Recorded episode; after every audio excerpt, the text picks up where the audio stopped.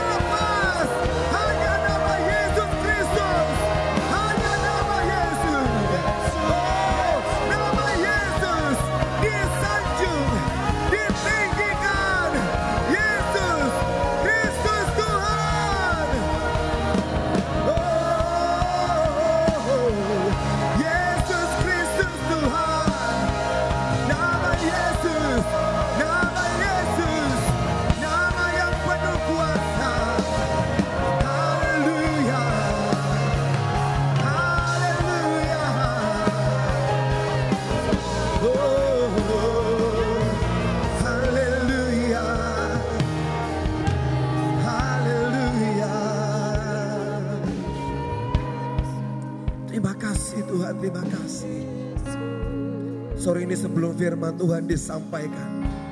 Kalau ada orang yang rindu didoakan pada sore hari ini. Dalam hatimu kau sungguh berkata Tuhan sore ini aku pengen datang, pengen didoakan. Karena aku punya pergumulan. Dan tiba-tiba hari ini kau mendengar tentang nama Yesus. Nama yang punya kuasa, keajaiban, pengharapan dalam nama itu. Dan tiba-tiba imanmu dibangkitkan hari ini. Dan kau bilang Tuhan aku pengen didoakan Saudara boleh maju. Walaupun cuma satu dua orang gak apa-apa saudara. Yang hari ini hatimu pengen didoakan Hari ini maju ke depan saudara. Korala pasti kata apa pun juga keadaan yang saudara-saudara lewati hari-hari ini. Dalam hati pengen Tuhan aku pengen didoakan hari ini. Aku pengen didoakan hari ini. Biarkan nama Yesus kembali dinyatakan dalam hidup saudara pada malam hari ini. Malam hari ini biar nama Yesus dinyatakan kekuatannya, kebesarannya, keajaiban dinyatakan dalam hidup saudara. Hanya percaya, hanya percaya. Waktu tadi kita menyebutkan nama Yesus, kita panggil nama itu. Saya tahu tiba-tiba surga terbuka sepertinya. Seperti dibuka dan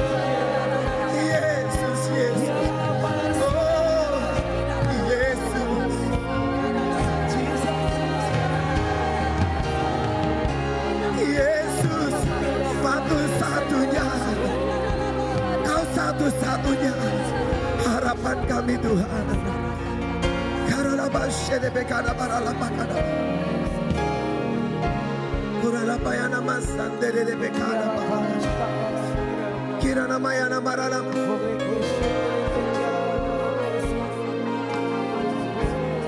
Yesus, Yesus, Yesus, Yesus.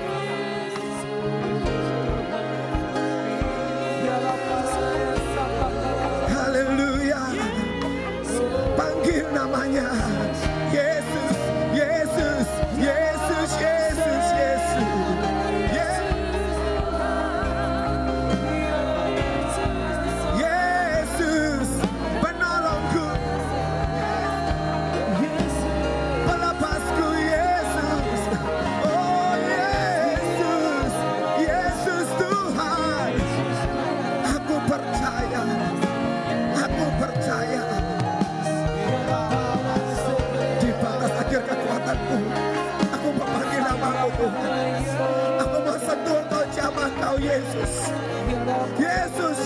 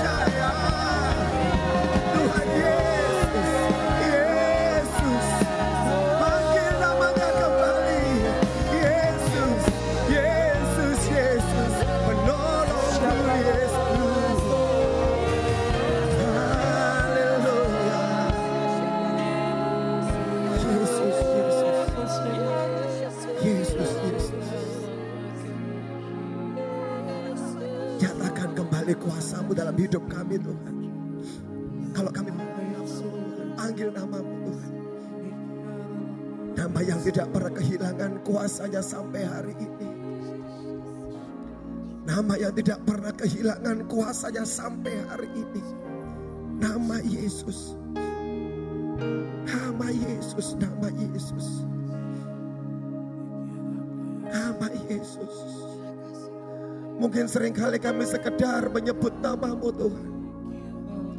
Kalau kami panggil kau dengan segenap hati kami masakan kau tidak mendengar kami Tuhan. Manusia saja yang memanggil nama orang lain akan didengarkan. Apalagi engkau Tuhan, apalagi engkau Tuhan. Kalau kami panggil kau dengan segenap hati kami, kau akan menjawab kami Tuhan. Masakan engkau diam Tuhan. Engkau bisa menjawab kami Tuhan. Yesus, Yesus. Haleluya.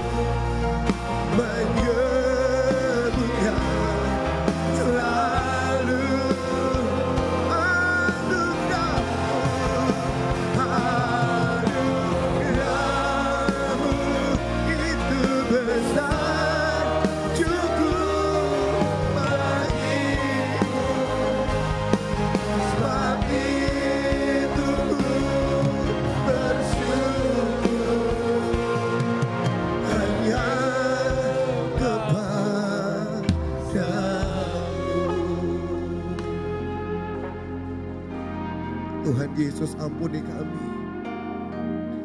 Kalau namamu sudah sangat biasa buat kami sebut Tuhan. Padahal dalam namamu ada banyak mujizat keajaiban Tuhan. Mata kami sudah sulit melihat itu lagi Tuhan. Terlalu biasa kami memanggil Engkau. Tapi kalau kami panggil engkau dengan iman, dengan segenap hati. Kami percaya kalau kami panggil namamu Tuhan. Yang membuat setan gemetar. Itu nama yang ajaib, nama yang luar biasa. Biar hari ini buka mata kami, kami lihat kembali keajaiban namamu itu Tuhan.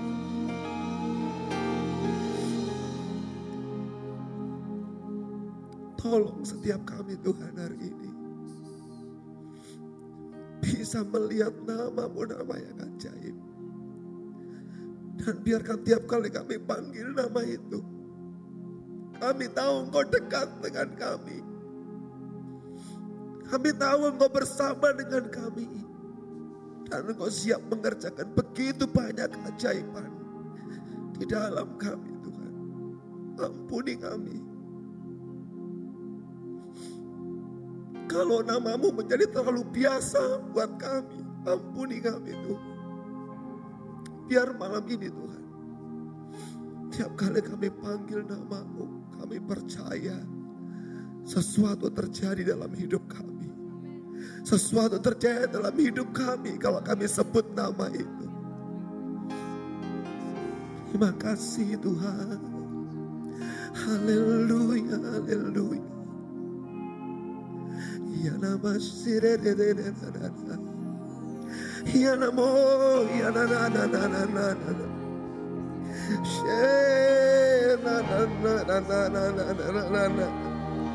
Kana na masika na marala maya na yana mo. Kana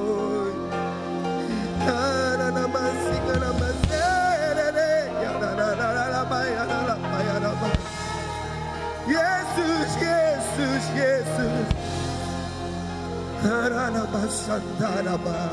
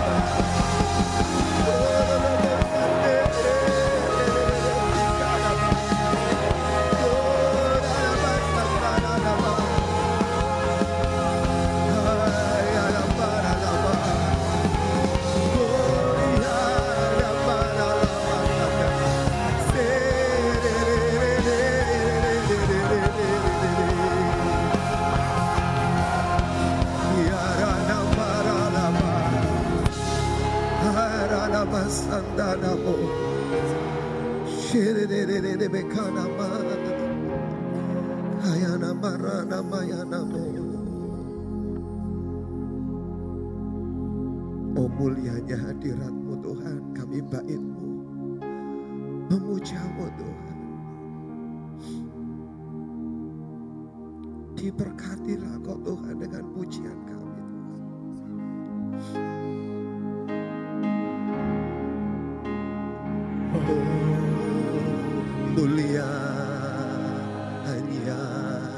sembah dia.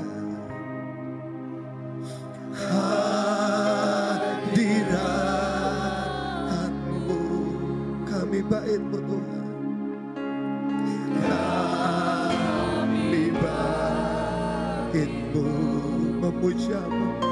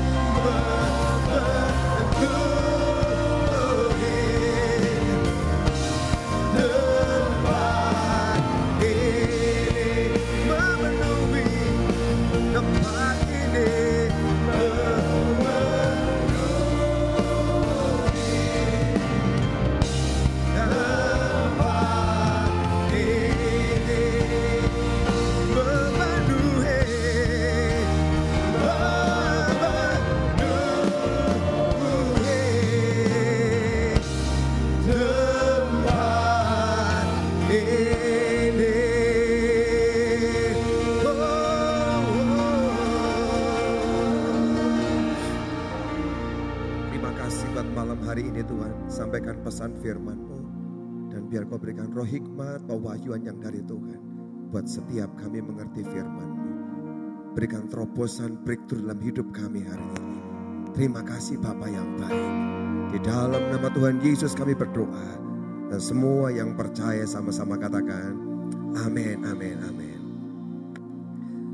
Saya terpaksa mengikut nyembah terus karena saya ngerasain di waktu kita panggil nama Yesus. Itu seperti langit terbuka saudara dan dia menyatakan kuasanya. Dan dia berkata ketika kau panggil aku dengan sungguh-sungguh. Aku akan datang dan menolong hidupmu. Amin. Tuhan katakan betapa sering kita panggil nama itu sudah biasa buat kita. Sebut Yesus sehari mungkin berkali-kali. Tapi kau cuma sekedar menyebut saudara nama itu. Sehingga tidak ada perubahan dalam hidup kita cuma sekedar menyebut. Tapi kalau engkau bukan menyebut tapi kau panggil nama itu saudara. Itu yang berbeda. Dia akan datang dan mengadakan perubahan yang ajaib dalam kehidupan kita. Amin. Dan biar malam hari ini Dia menjam menyentuh kita lagi. Dan malam hari ini saya akan sampaikan firman Tuhan tentang kebijaksanaan. Saudara. Ini baru ming, ming bulan kedua ya. Kita selesai bulan kedua dan masuk ming, bulan ketiga dalam tahun 2020. Ketika awal tahun sebelum tahun 2020 Tuhan berkata pada saya di gereja di Semarang. Dia berkata tahun depan adalah tahun kebijaksanaan. Bertindak dengan bijaksana, berkata-kata dengan bijaksana, ambil keputusan dalam kebijaksanaan, bekerja dengan bijaksana, mengatur keuangan dengan bijaksana. Semua yang kau lakukan tahun 2020, kerjakan dalam kebijaksanaan. Sebab kalau engkau tidak bijaksana, akan begitu banyak jebakan, kesalahan, kerugian yang kita alami dalam kehidupan kita. Tapi kalau tahun ini kita mengerjakan segala langkah kita di dalam kebijaksanaan ketepatan, saya percaya tahun ini adalah tahun yang luar biasa Tahun yang penuh dengan kemenangan, tahun yang kita bisa menerima dengan dua tangan penuh saudara. Apa yang Tuhan janjikan, amin. Ini tahun 2020 double calf, tangan dua yang terbuka saudara. Dia mau limpahkan semua yang ajaib. Tapi kalau engkau tidak bijaksana, semua yang dia mau curahkan itu tidak bisa engkau tampung di tanganmu saudara. Semua akan terbuang dengan sia-sia yang Tuhan mau limpahkan dalam hidupmu.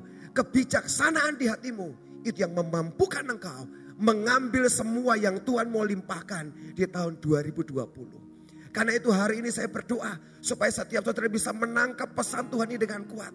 Sehingga ada masih 10 bulan ke depan. Engkau bisa buka dengan kuat tanganmu. Dan menerima semua yang Tuhan mau limpahkan dalam hidup saudara. Amin. Mazmur 90 ayat yang ke-12. Kita mau sama-sama buka Mazmur 90 ayat yang ke-12. Ini adalah sebuah mazmur nasihat yang diberikan oleh Musa. Nabi yang besar, nabi yang dapat hukum Taurat 10 perintah Allah.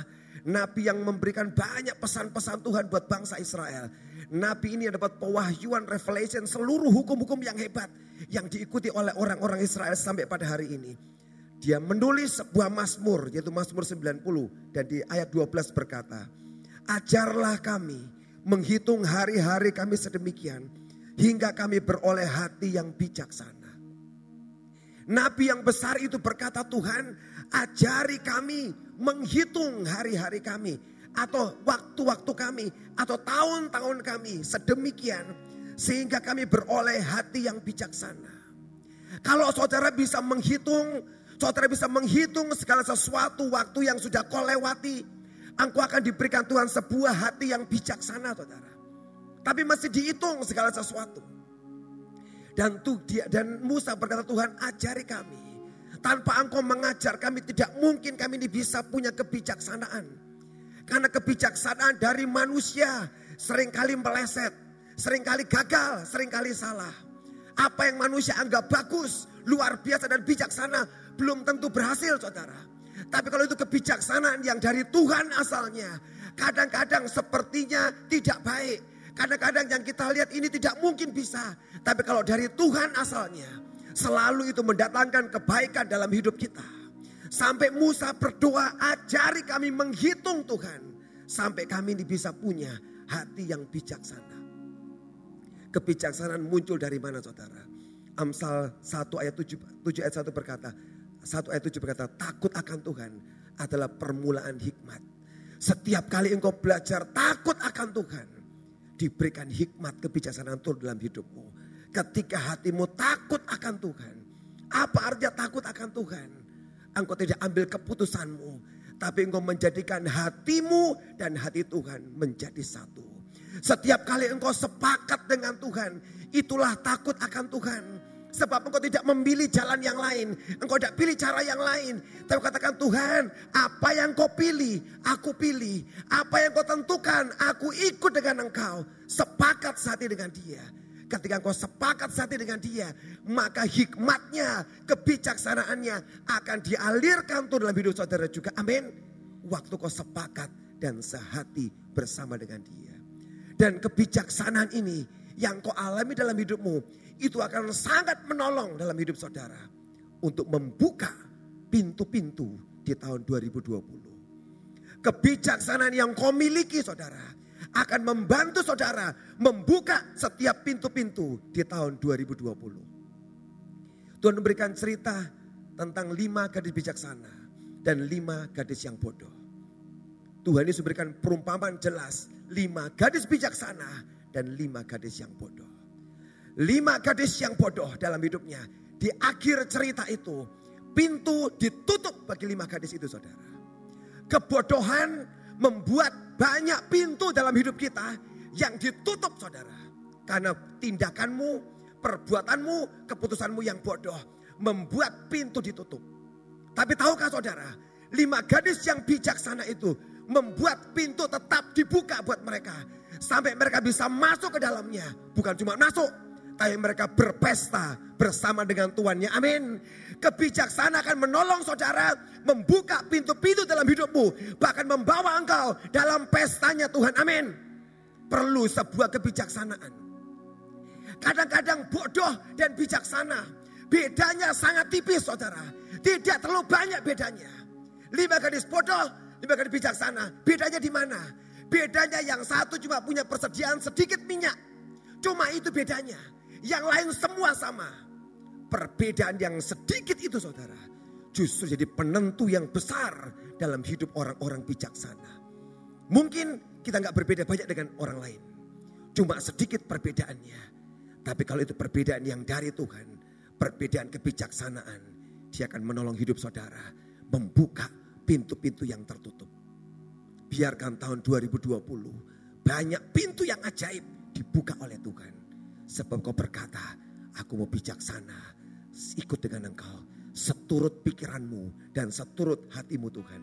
Dan keajaiban demi keajaiban engkau berikan di dalam kehidupanku.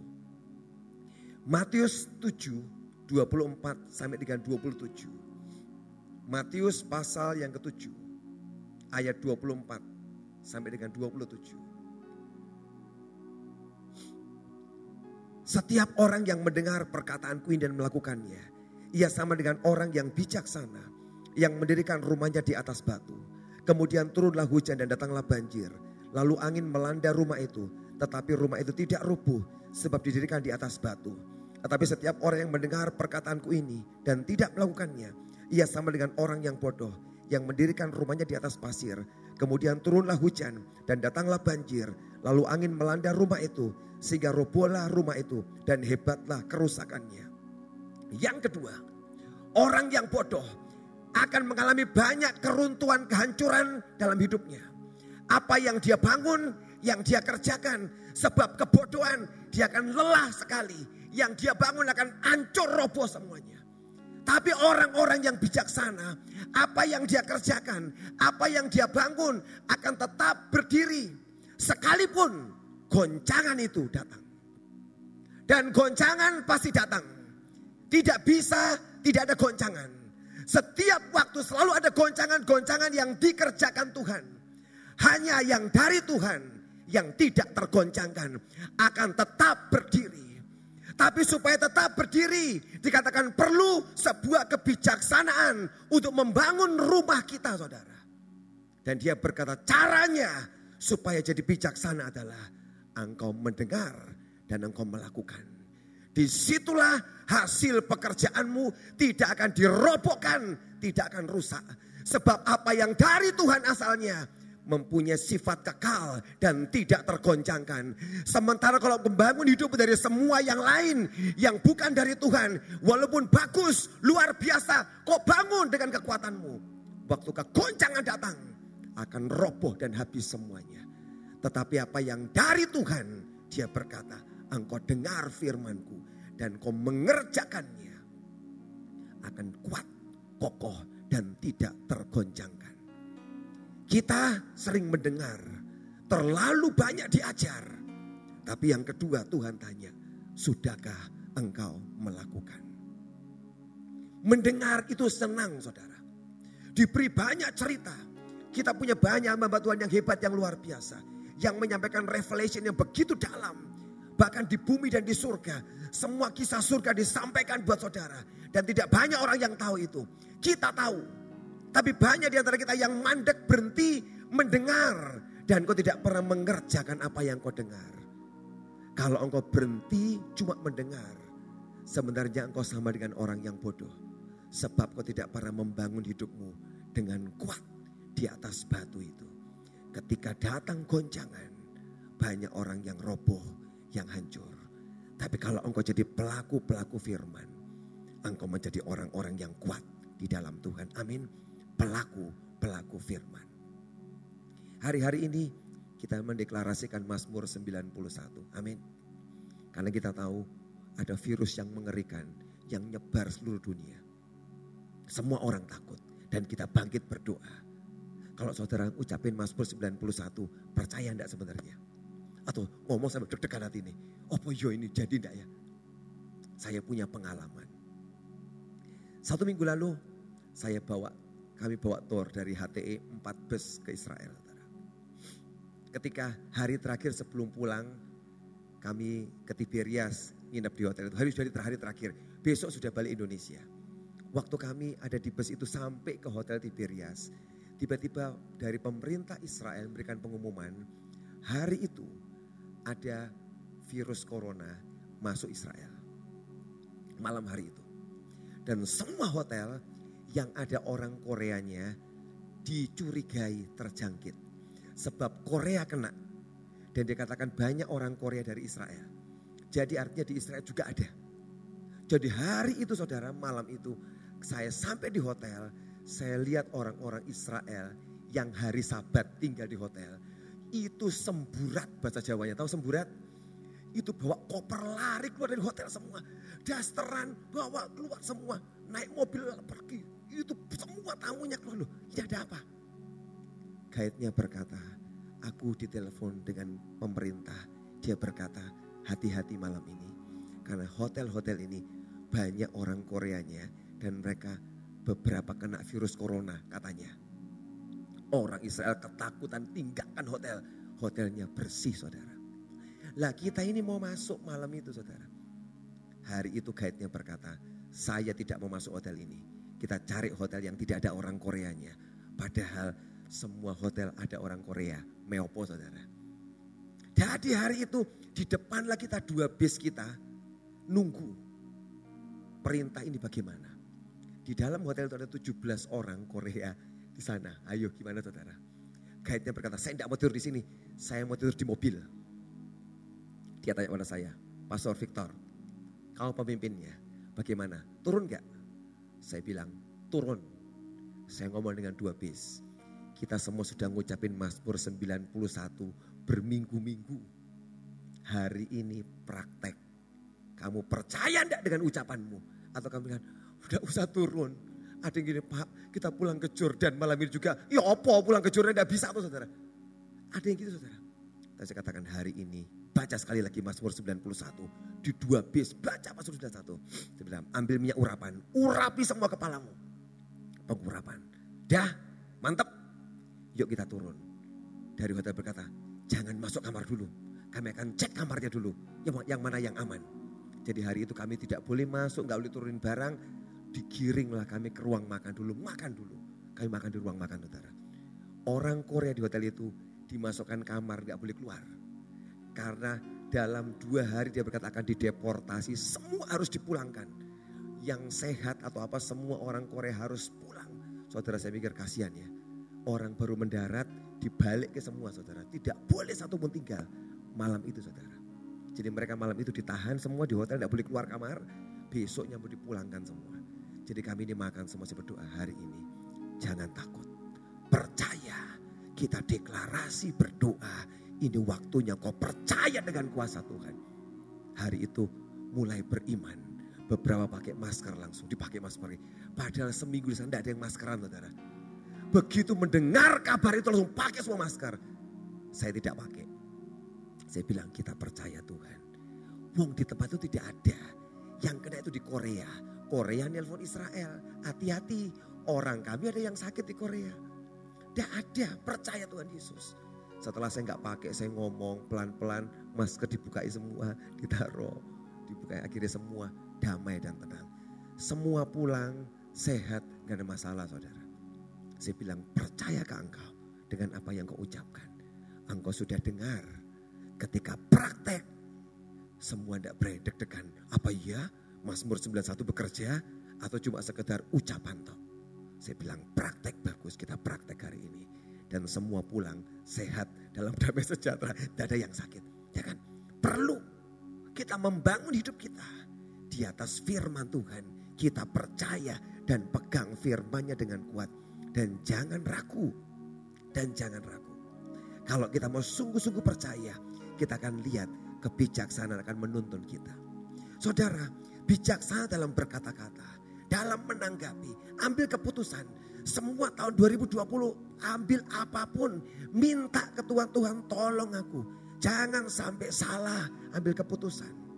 Kalau keputusan saudara benar, mendapatkan keuntungan yang besar saudara. Orpa dan Ruth. Dua-dua menantunya Naomi. Bedanya apa? Sama kok saudara. Dua-dua orang Moab. Tidak ada bedanya. Tapi hari itu menentukan yang mana yang diangkat, yang mana yang diturunkan. Keputusan yang bijaksana membuat Ruth diangkat. Keputusan yang salah membuat dia dilupakan dan tidak pernah ditulis lagi. Keputusan kecil yang bijaksana akan menolong saudara tetap diingat Tuhan, bahkan diangkat tinggi oleh Tuhan. Tapi siapa yang tahu saudara? Siapa yang tahu?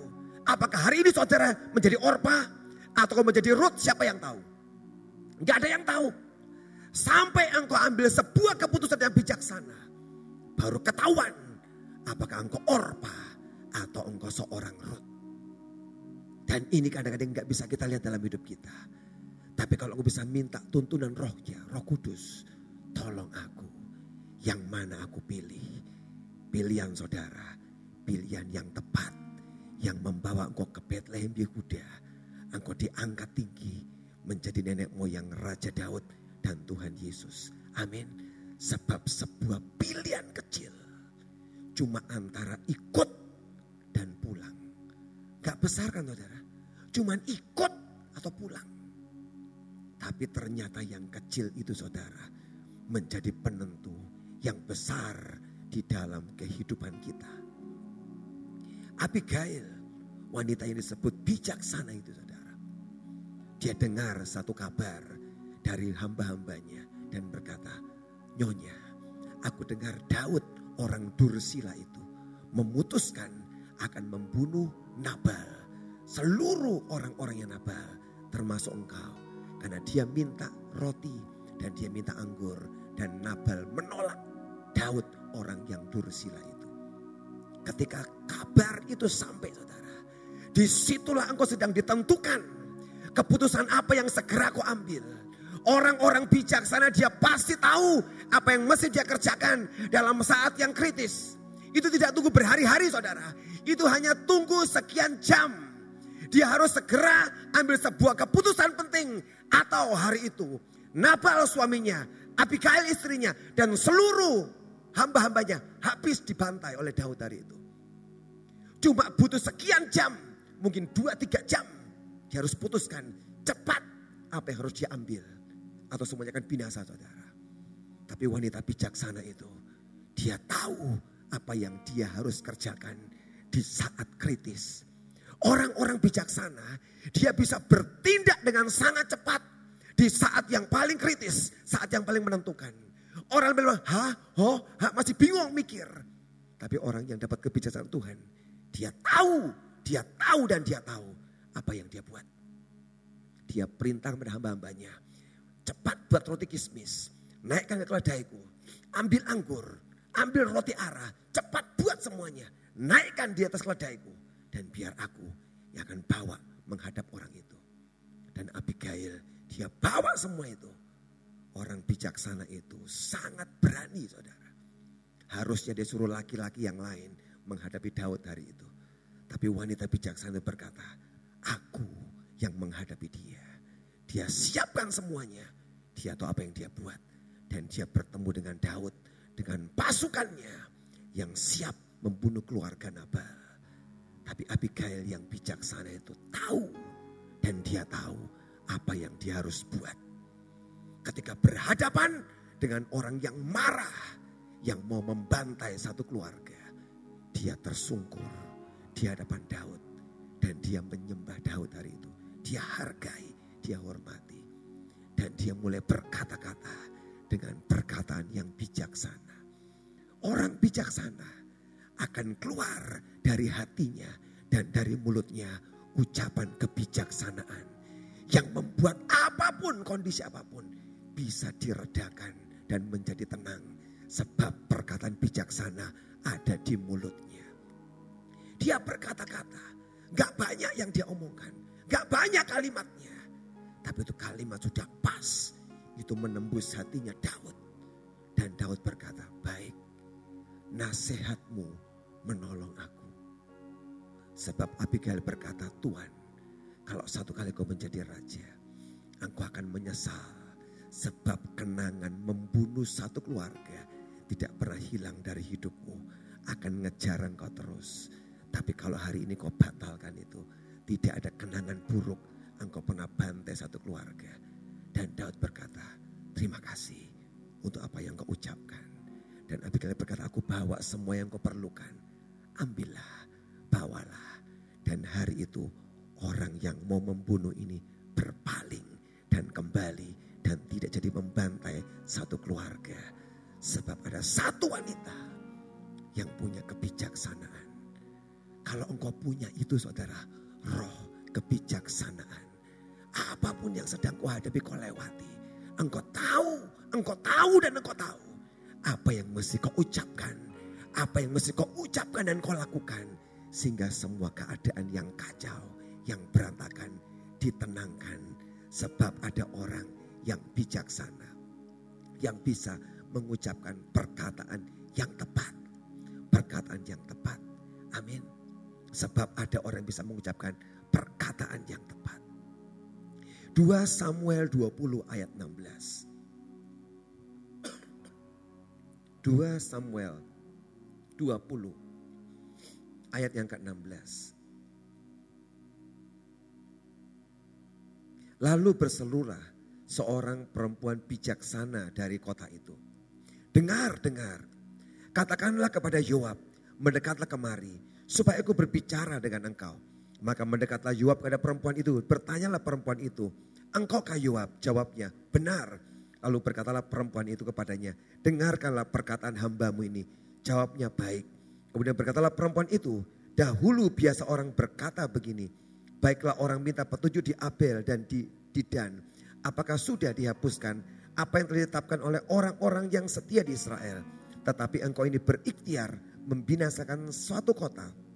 Apalagi suatu kota induk di Israel. Mengapa engkau hendak menelan habis milik pusaka Tuhan. Ini kisah tentang ada seorang pemberontak yang bernama Seba bin Bikri. Ini orang memberontak kepada Daud saudara. Dan Daud berkata ini orang sangat berbahaya. Kalau orang yang memberikan pemberontakan, nanti dia akan membawa sebagian dari orang-orang Israel berontak dan melawan Daud. Dan Daud berkata pada Yoab, Yoab, engkau mesti kejar Seba bin Bikri, tangkap dia, habisi dia, supaya tidak membuat yang lain memberontak. Tapi jangan sampai dia masuk dalam satu kota dan berlindung di kota itu. Kita nggak bisa menangkap dia. Yoab kejar Seba. Dan hari itu Yoab mengejar Seba saudara. Tapi Seba ini sudah tahu dan dia lari lebih cepat. Dan dia berhasil masuk ke sebuah kota yang bernama kota Abel di bin Maakah. Dia sampai di kota Abel saudara. Dan dia masuk kota itu dia ngomong sama penduduknya tutup pintu gerbangnya. Dan seluruh penduduk kota tidak berani dengan ini ditutup pintu gerbangnya. Yoab datang dan Yoab berkata pada pasukannya. Sebab ditutup kotanya kita akan serbu kota ini. Habisi penduduknya dan kita bunuh Seba yang di dalam. Dia berkata habisi satu kota, kata Yoab. Ketika Yoab perintahkan itu saudara, seorang wanita mendengar. Dan dia naik ke tembok kota berkata, Yoab apa yang kau rencanakan? Pengen bunuh, jangan. Engkau pengen apa Yoab? Engkau pengen apa? Yoab berkata, aku pengen kepalanya Seba. Dan perempuan yang bijaksana berkata, tenang Yoab, aku akan bertindak. Dan perempuan itu turun ke bawah. Dan dia berkata pada seluruh penduduk kota, kalau kita tidak tangkap Seba dan berikan keluar, satu kota binasa. Tapi kalau kita berikan Seba kepada dia, satu kota akan selamat. Penduduk kota berkata, tangkap Seba. Dan perempuan itu menangkap Seba. Apa yang dikerjakan? Dia bunuh Seba. Dan dia lempar kepalanya keluar tembok kota. Ketika Yoab lihat sudah dibunuh Seba. Dia berkata, aku tidak jadi menghancurkan kota ini. Aku sudah dapatkan yang aku inginkan. Dan kota itu selamat. Tidak ada kebinasaan. Saudara bayangkan, kalau tidak ada satu orang bijaksana di kota itu saudara.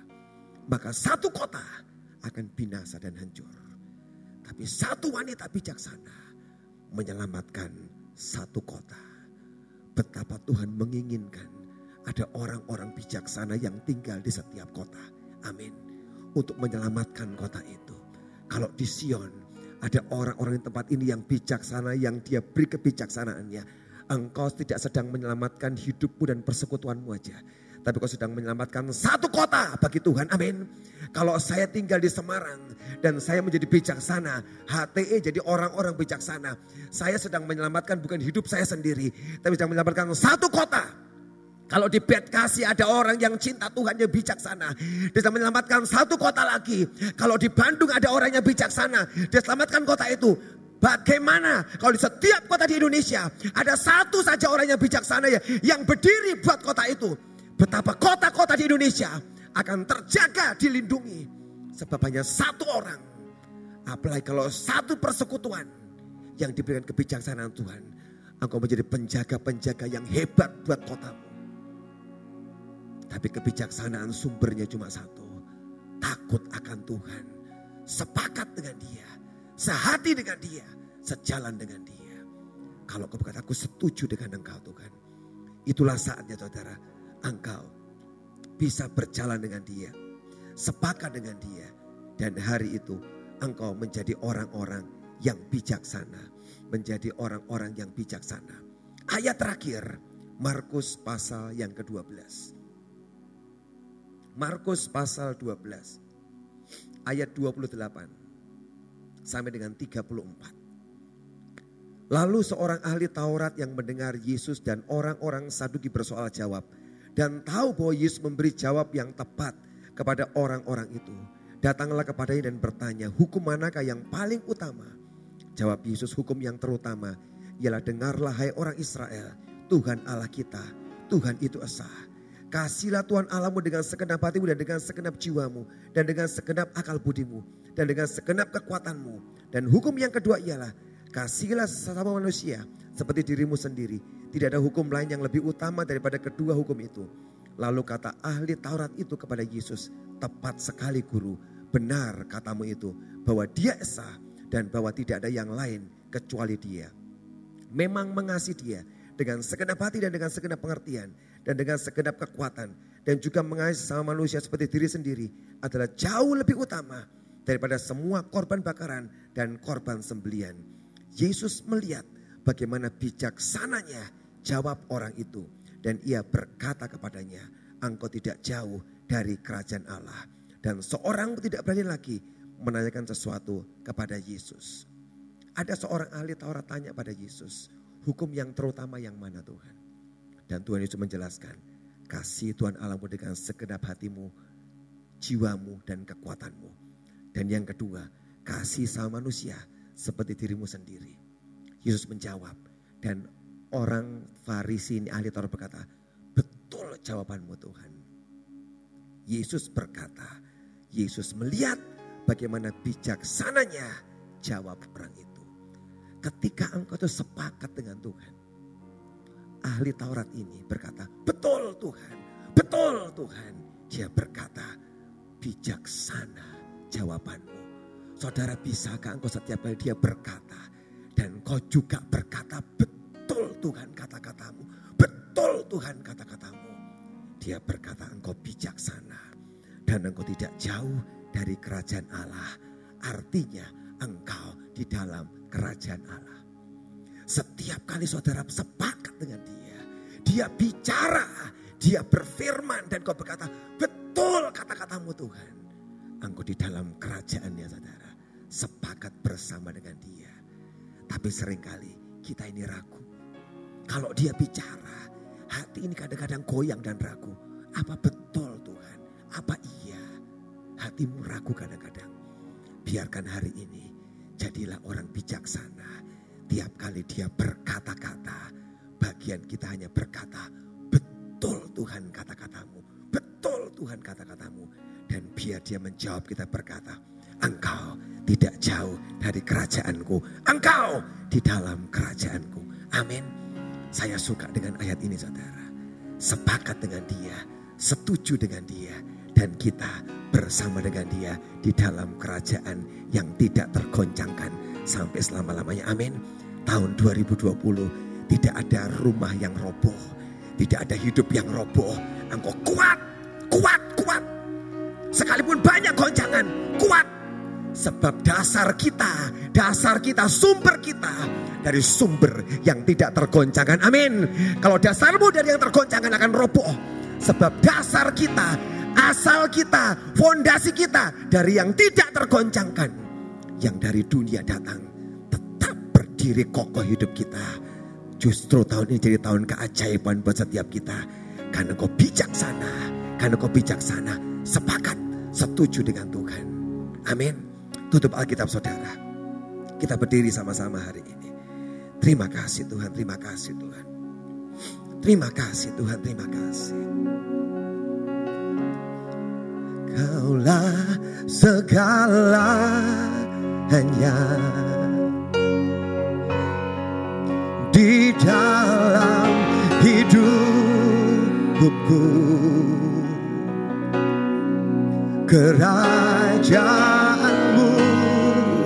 kebenaranmu itu bagianku.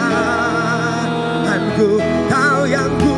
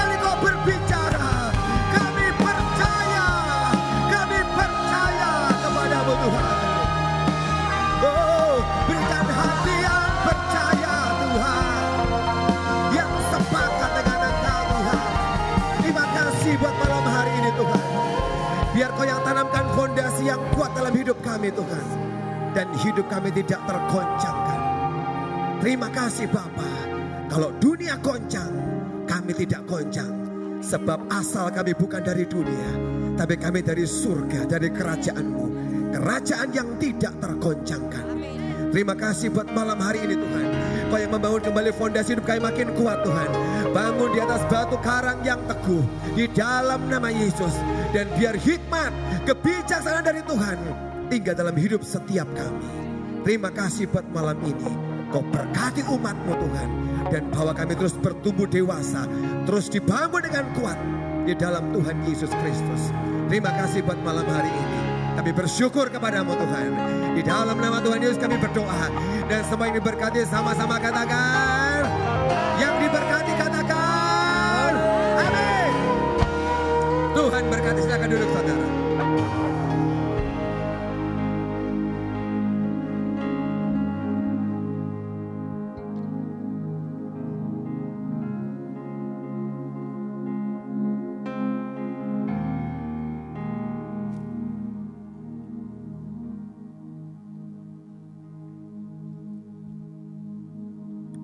Jadi orang bijaksana semua ya. Puji Tuhan, saya berdoa supaya saudara menjadi orang yang bijaksana untuk memenangkan kota, untuk memenangkan Indonesia. Amin. saudara, saya tambahin sedikit. Ya, tadi dikatakan dalam Mazmur kan dikatakan gini, harus menghitung. Benar? Supaya bijaksana harus menghitung. Gimana sih caranya ngitung? Hitung tuh gini. Kalau kalkulasi saya begini, kalkulasinya Tuhan segini. Jangan keminter. Ya. Katakan, aku mau sepakat dengan Tuhan. Jangan terlalu ngitung-ngitung ya untuk kebenaran diri sendiri kamu sampai di mana pun juga tetap Tuhan lebih menang. Amin. Ya, hitungan kamu mau bagaimana perlu dihitung. Ini kalau begini kalkulasi saya begini dihitung. Ya. Kalkulasinya Tuhan begini. Menurut firman Tuhan, menurut saya begini. Katakan Tuhan aku mau sepakat dengan engkau. Sekalipun hitunganku menurut aku lebih benar tapi aku percaya hitunganmu akan lebih benar.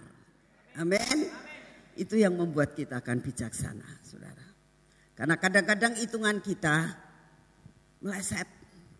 Kata Pak Victor tadi katakan. Tapi hitungan Tuhan tidak pernah meleset. Saya percaya apa yang terjadi dalam hidup Sambas, ya, hitungan Tuhan tidak pernah meleset. Amin. Sekarang belum tahu, nanti bakal tahu. Amin. Dalam hidup saudara dan saya pasti akan terjadi seperti itu. Ya. Jadi sekarang belum tahu, nggak apa-apa. Nanti Tuhan akan memberikan penjelasan yang lebih. Mau tidak mau Tuhan pasti menang. Amin. Ya. Ada pengumuman?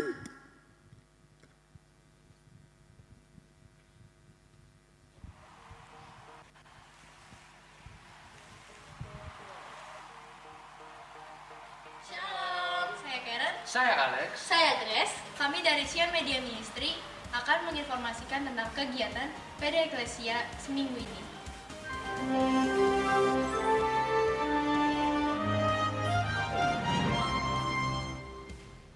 Pembinaan Iman PD Eklesia Cirebon pada hari Selasa tanggal 10 Maret 2020 pukul 6 sore di Gedung Rahasia Lantai 2 akan dilayani oleh Ibu Gembala kita, Ibu Nani Susanti. Ya, Jemaat juga dulu. bisa mengikuti ibadah kami melalui live streaming di www. Ya, tanggal 10 ya, nanti saya akan umumkan lagi. Tanggal 8 itu jatuhnya hari Sabtu. Eh, Minggu ya. Uh, ya, Minggu. Tanggal 8 jatuhnya hari Minggu buat anak-anak yang sudah ikut di dalam pembimbingan untuk baptisan ya. Kurang lebih ada 30-nya anak-anak yang ikut dalam baptisan. Itu hari Sabtu itu akan dites sama guru kamu. Ibu Abigail. Sampai kamu bisa mengerti kenapa kamu mau dibaptis. Ya. Sampai bisa mengerti apa arti keselamatan. Sampai bisa mengerti apa arti pengikutan kepada Tuhan. Nah, nanti dites hari Sabtunya. Hari Minggunya akan dibaptis. Itu tanggal 8. Nah, tanggal 10 hari Selasa itu terima uh, surat baptisan dan penyerahan anak-anak. Kalau penyerahan anak-anak itu tidak perlu ada pembinaan, ya itu iman orang tua menyerahkan anaknya kepada Tuhan. Jadi buat saudara yang merasakan aku kok belum pernah nyerahin anakku ke Tuhan ya, bisa daftar ke Ibu Guatlan ya. Ibu Febe Guatlan untuk didaftar supaya catat nama dan sebagainya nanti kan dapat surat juga. Jadi saya berharap saudara bisa tangkap ini yang belum mau menyerahkan anak masih ada kesempatan, tapi yang mau baptis sudah tidak ada kesempatan karena uh, sudah lewat. Nanti akan diadakan baptisan yang selanjutnya. Jelas ya? Jelas ya? Ya, terus? eklesiacirebon.com Hai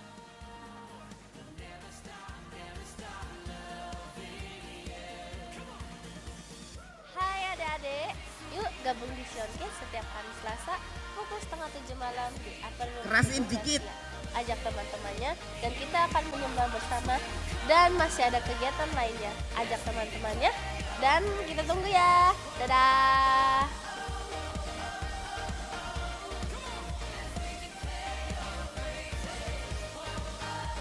Bagi Koko dan Cici, mari bergabung dalam Live Tree Community.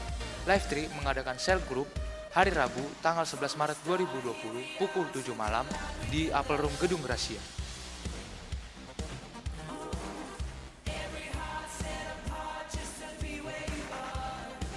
Dan Live Tree Community juga mengadakan olahraga badminton bersama setiap hari Jumat pukul 7 malam di Star Sport Center.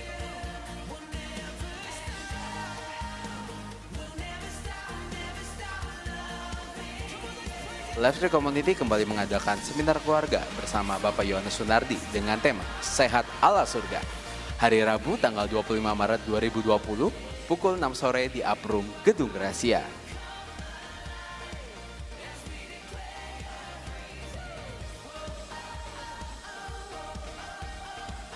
Hai teman-teman, hari Jumat ini kalian ada acara apa nih? Daripada gabut di rumah, Yuk join ke Lifeguard Youth Community hari Jumat tanggal 6 Maret 2020 jam 6 sore di Upper Room Gedung Rahasia. Intelligence, stamina, courage, and heart.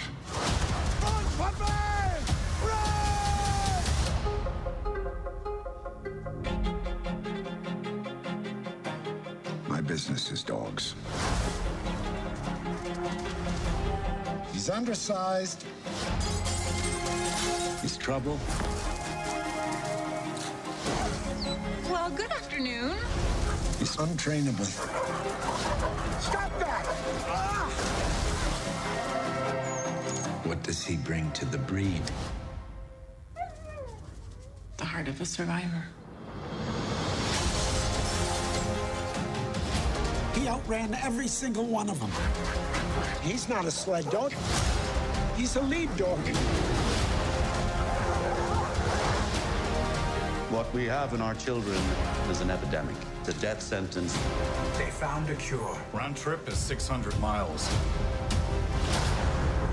You see that storm on the horizon? Only one man and one dog can make that run. He's 12 years old. He's too old. He'll never make that distance. Got one more in you, pup.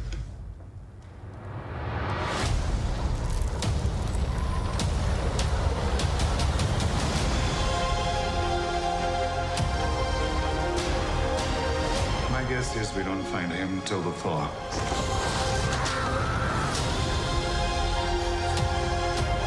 All right, Togo. Time for us to find out who we are. I always thought he lived for the sled. When all along.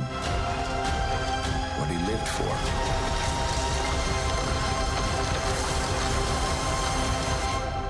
Was me.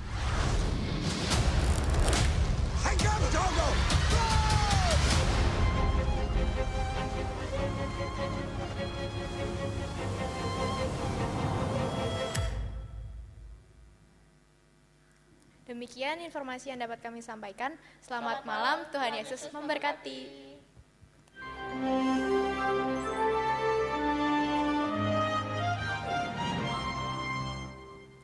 Ya, hari Jumat ya itu mau ada nonton sama-sama. Hari Jumat ada nonton sama-sama film Toko. Ya. Saudara, kita akan masuk ke dalam perjamuan kudus. Siapa yang belum dapat perjamuan kudus, silakan angkat tangan untuk dibagikan kepada para asyir. Para asyir uh, yang belum dapat mungkin bisa berdiri atau angkat tangan untuk asyir bisa membagikan akan perjamuan kudus pada hari ini.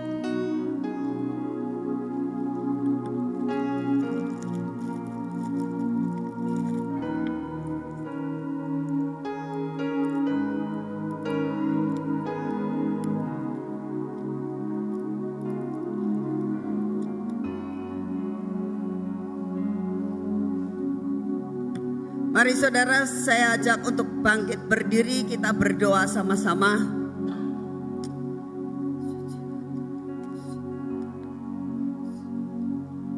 Siapkan hati saudara dan pikiran saudara. Yang memiliki kebijaksanaan yang sempurna adalah Tuhan. Biarlah dengan darah dan tubuh Yesus Kristus ini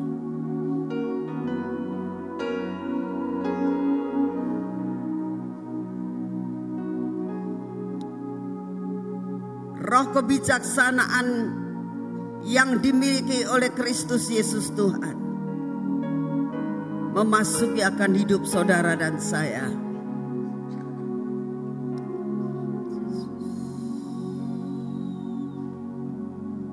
Kita nyanyikan the.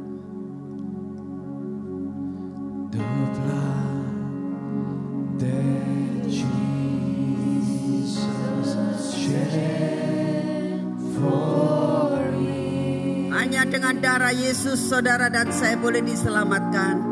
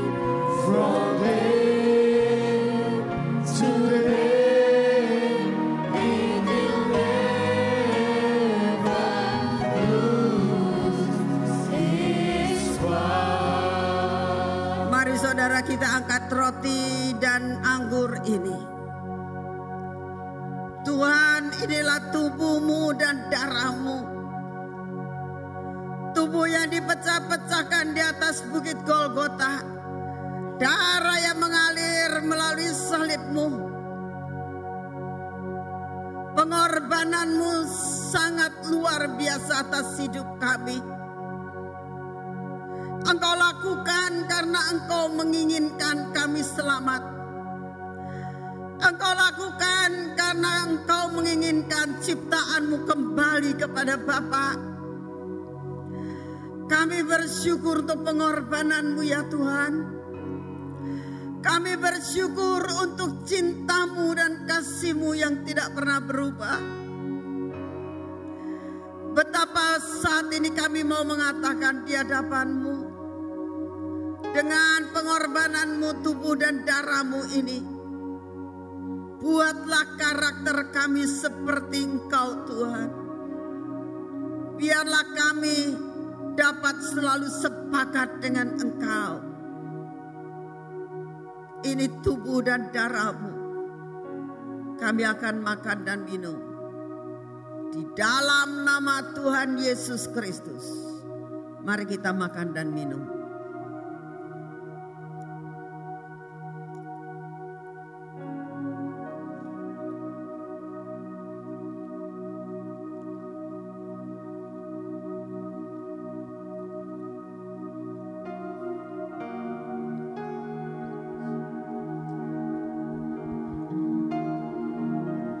Ucapkan syukur saudara. Ucapkan syukur untuk segala sesuatu yang Tuhan sudah siapkan buat saudara dan saya. Keberhasilan demi keberhasilan tahun ini. Tuhan sudah memberikan petunjuk untuk kita bijaksana. Perlindungan tahun ini Tuhan sudah memberi dua senjata. Mazmur 91 dan Yesaya 60. Terima kasih untuk kasih setiamu ya Tuhan. Ini waktunya kami mau memberikan persembahan kepadamu. Kami mau menyerahkan persembahan kami kau kuduskan dan kau sucikan. Bicaralah kau kepada kami Tuhan berapa kau akan memberikan. Terima kasih untuk anugerahmu. Dalam nama Tuhan Yesus. Amin. Saudara di sebelah kiri saya, kanan saya itu untuk lawatan. Di sebelah kiri saya untuk persembahan tempat ini. Tuhan memberkati.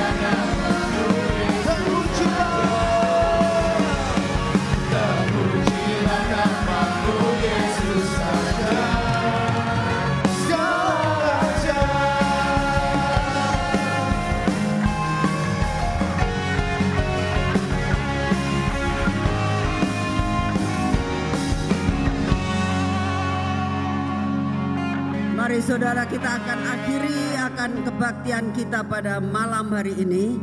Sekali lagi kita bangkit berdiri. Angkat tangan kita. Bapak malam ini kami mau berdoa untuk hambamu Bapak Pendeta Victor yang sudah menyampaikan kebenaran firman-Mu malam ini Tuhan. Kau memberkati, Engkau gantikan seribu kali ganda hikmat, marifat, pewahyuan yang berasal daripadamu turun atas hambamu ini. Kalau malam ini makan kembali ke Semarang, penyertaanmu sempurna dalam hidupnya. Kau berkati keluarganya, kau berkati pelayanannya, kau berkati gereja yang dipimpinnya.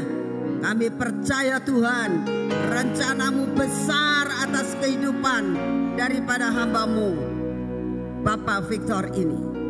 Terima kasih untuk semua. Sebentar kami akan meninggalkan tempat ini. Kami akan pulang ke rumah kami masing-masing. Kami tahu Tuhan, berkat yang terbaik dari surga turun atas kami. Hikmat marifat, kebijaksanaan yang dari surga turun atas kami. Keberhasilan, kemenangan turun atas kami. Berkat-berkat yang terbaik turun atas kami. Kekuatan kesehatan turun atas kami. Perlindungan turun atas kami. Terima kasih Tuhan. Kami percaya ke mana pun kami pergi, penyertaanmu sempurna atas hidup kami. Di dalam nama Tuhan Yesus, kami pulang dengan membawa berkat yang berkelimpahan. Dalam nama Tuhan Yesus kami sudah berdoa. Kita katakan sama-sama. Amin.